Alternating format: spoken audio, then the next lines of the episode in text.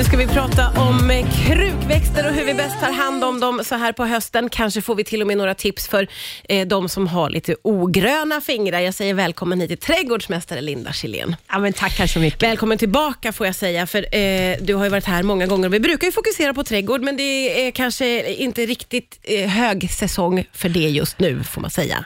Vi har väl vintrat in trädgården och istället så kan vi fokusera på grönskan inomhus. Ja.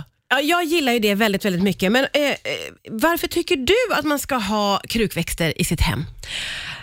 Ja, krukväxter är ju en del av så här inredningsdetaljer, fast de är ju levande varelser, så man får ju liksom ett gäng eh, levande väsen där hemma och då blir det ju livfullt i hemmet. ja. Och någonting att pyssla med och prata med och sen är det någonting med krukväxter som skapar en fantastisk så här, skön atmosfär i hemmet. Ja, du och jag har ju pratat lite grann om det innan, vet jag, Ja. det här med att man också kan möblera med krukväxter. För att Ja. Jag tror att vissa har sin, en växt på samma ställe jämt, eh, men det där kan man ju ändra om i all oändlighet egentligen. Oh ja.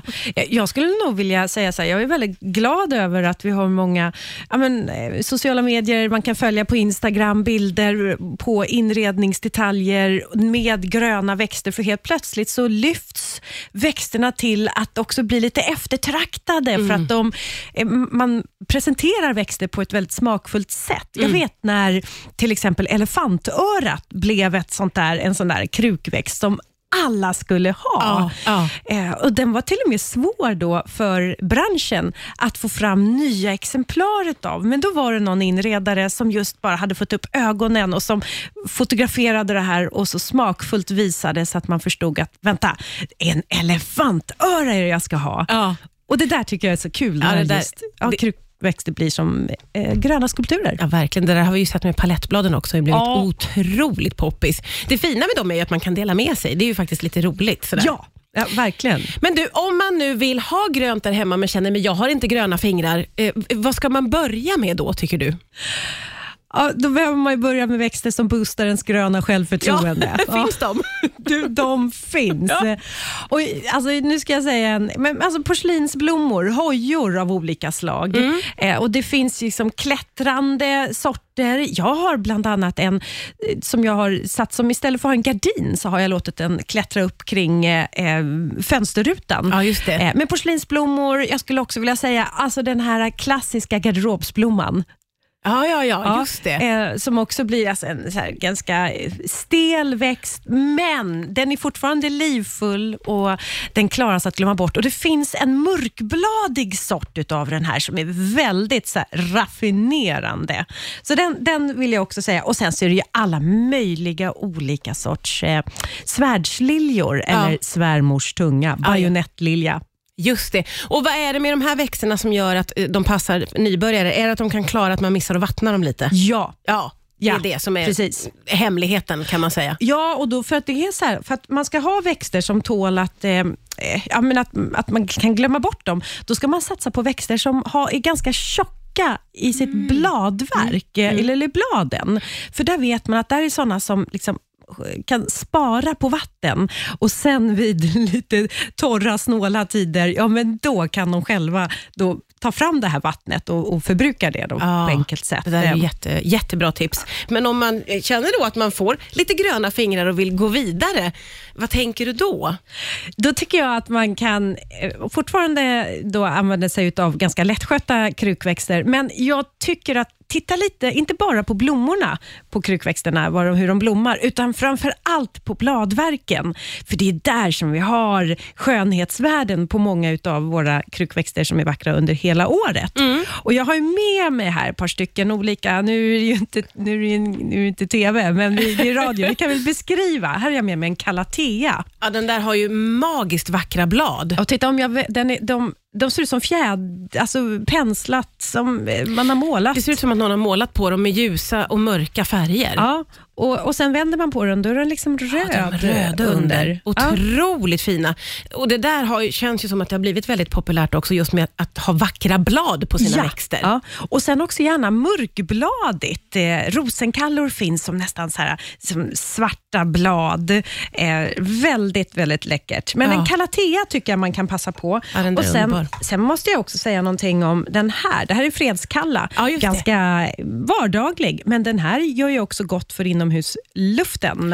Ah. Är det. Och det här är en som gillar lite fuktigt, så man får gärna spraya lite vatten på den. Ja, ja, ja. Eh, sen vill jag också tipsa om en annan sort och det är den här. Den heter hartassbräken. Jaha, vad vilken- var det för liten gullig? Jo, men den här, du ser, den är alldeles grånad i sitt bladverk och det signalerar att den trivs och står ganska soligt. Jaha. Mm. Och Då får den ett rotsystem eh, som kryper upp lite ur jorden och som blir lite behårigt, som en liten hartass. Nej, vad gulligt. Åh, Ja. Det är bara för fint. Verkligen. Du hade ju med dig också en liten som ser ut som en skulptur, skulle jag Ja. vilja säga. Ska jag ta upp den? Ja. Eh, då har vi en liten skulptur. Det är en pinnlilja och då kan man se framför sig pinnar, fast de är gröna. Och Sen så har man flätat ihop de här pinnarna Ja. så att det blir som en liten eh, men en flätning, en grön skulptur. Ja, det ser väldigt, väldigt häftigt ut. Och det där med att när man tycker om att ställa i ordning fint i sina hyllor eller på något litet bord. Det där är ju verkligen någonting att liksom dekorera med, tänker jag. Ja, ja så att, eh, några stycken. Men, men annars, och sen så peperomia finns eh, också fantastiskt många olika sorter utav. Ja, ja. att det, men det gäller ju då att, um, att liksom gå loss på tacksamma växter så man lyckas så att ens gröna självförtroende boostas. Ja men verkligen, det är ju det som är det fina. Eh, Vi ska också prata lite grann om eh, hur man kan liksom, man måste ju kunna läsa sina växter för att kunna ta hand om dem. Vad är det för olika signaler som krukväxterna kan ge från sig? Nu när det börjar bli så mörkt tidigt på dagarna så får vi ju ljusbrist, eh, drabbas våra krukväxter. Och Då kan man se det genom att oftast att det, det kan uppstå som bara helt plötsligt mörka partier mitt på bladen. Eh, framförallt monsteror kan drabbas av det här. Då får du som stora mörka fläckar och då vet man ljusbrist. Mm, Okej. Så även om det här är en växt som kanske normalt har trivts och står lite längre in i rummet, lyft fram den ut i ljuset lite mera så att den ändå får. så, Ah, att, okej. så, så det är väl det. Sen kan det ju vara de här som får lite mera intorkade partier, eh, både i bladspetsar och det kan säga om att det är alldeles för torrt inomhus.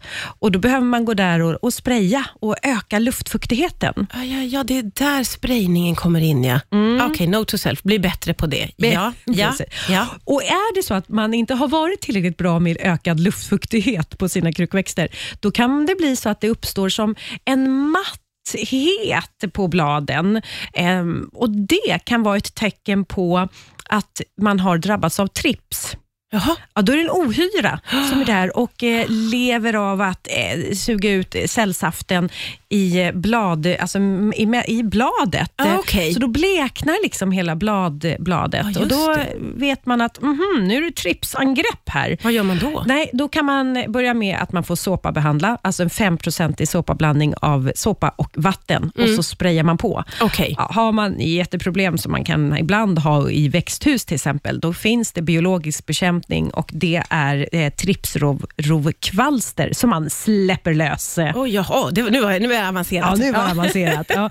Men vad, det, så det är bättre då att förebygga genom att öka luftfuktigheten. Ja, just det. Men det kan ju också vara så att man har vattnat alldeles för mycket och då slokar hela växten och hänger. Då har den drabbats av syrebrist. Ja, ja, ja. Bra signaler att Mm. Ja. ha koll på helt enkelt Håll om man koll. vill vara en, en bra värd, höll jag på att säga. eh, det är ju så att vi med stormsteg, tycker jag, närmar oss jul och eh, advent. Finns det några växter som man kan tjuvstarta med lite? Jag tycker att man kan tjuvstarta med julrosor. De är ju, alltså, de är ju vackra under hela året, men Ja. julrosor det är en ja, liten föraning. Eh, om, och vita julrosor. Ja, det är så fint. Ja, det är fint. Och, Ja. och då är knepet är att ha, får man fatt på en julros som saknar blad, för det finns de sorterna som är nästan till bladfria, Ja. då är de bättre att satsa på som julblomma, eh, för att de klarar sig bättre inomhus. Och Sen kan man alltid mata dem med lite isbitar. Man lurar dem att tro att de Att det är så står... kallt. Ah, kallt ja.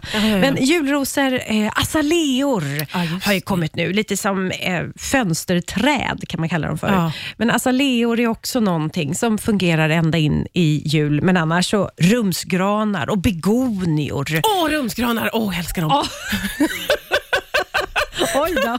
så gulliga, små, Ja, härliga. de, är, Ja, de, ja. de är mjuka och skira och fina. Så att, eh, fram med rumsgranarna. Och Sen har vi ju novemberkaktus. Eh, ja, den. De är läckra. Åh, den alltså, jag tänker så på min barndom. Ja, men vet du vad? Du kanske du tänker på julkaktus? Är det det jag tänker på? Du, Ja. de här långa som Ja. blommar en Ja. gång om året. Typ. Ja, men det är bara så att novemberkaktusen har blivit eh, mycket lättare att få tag på nu för tiden, medan julkaktusen är lite svårare. Ah. Så har man en gammal julkaktus från en, någon släkting, så ta tjuva en, en stickling därifrån så får du nästan ett unikt exemplar. Ja, det där är ju så bra tips alltså.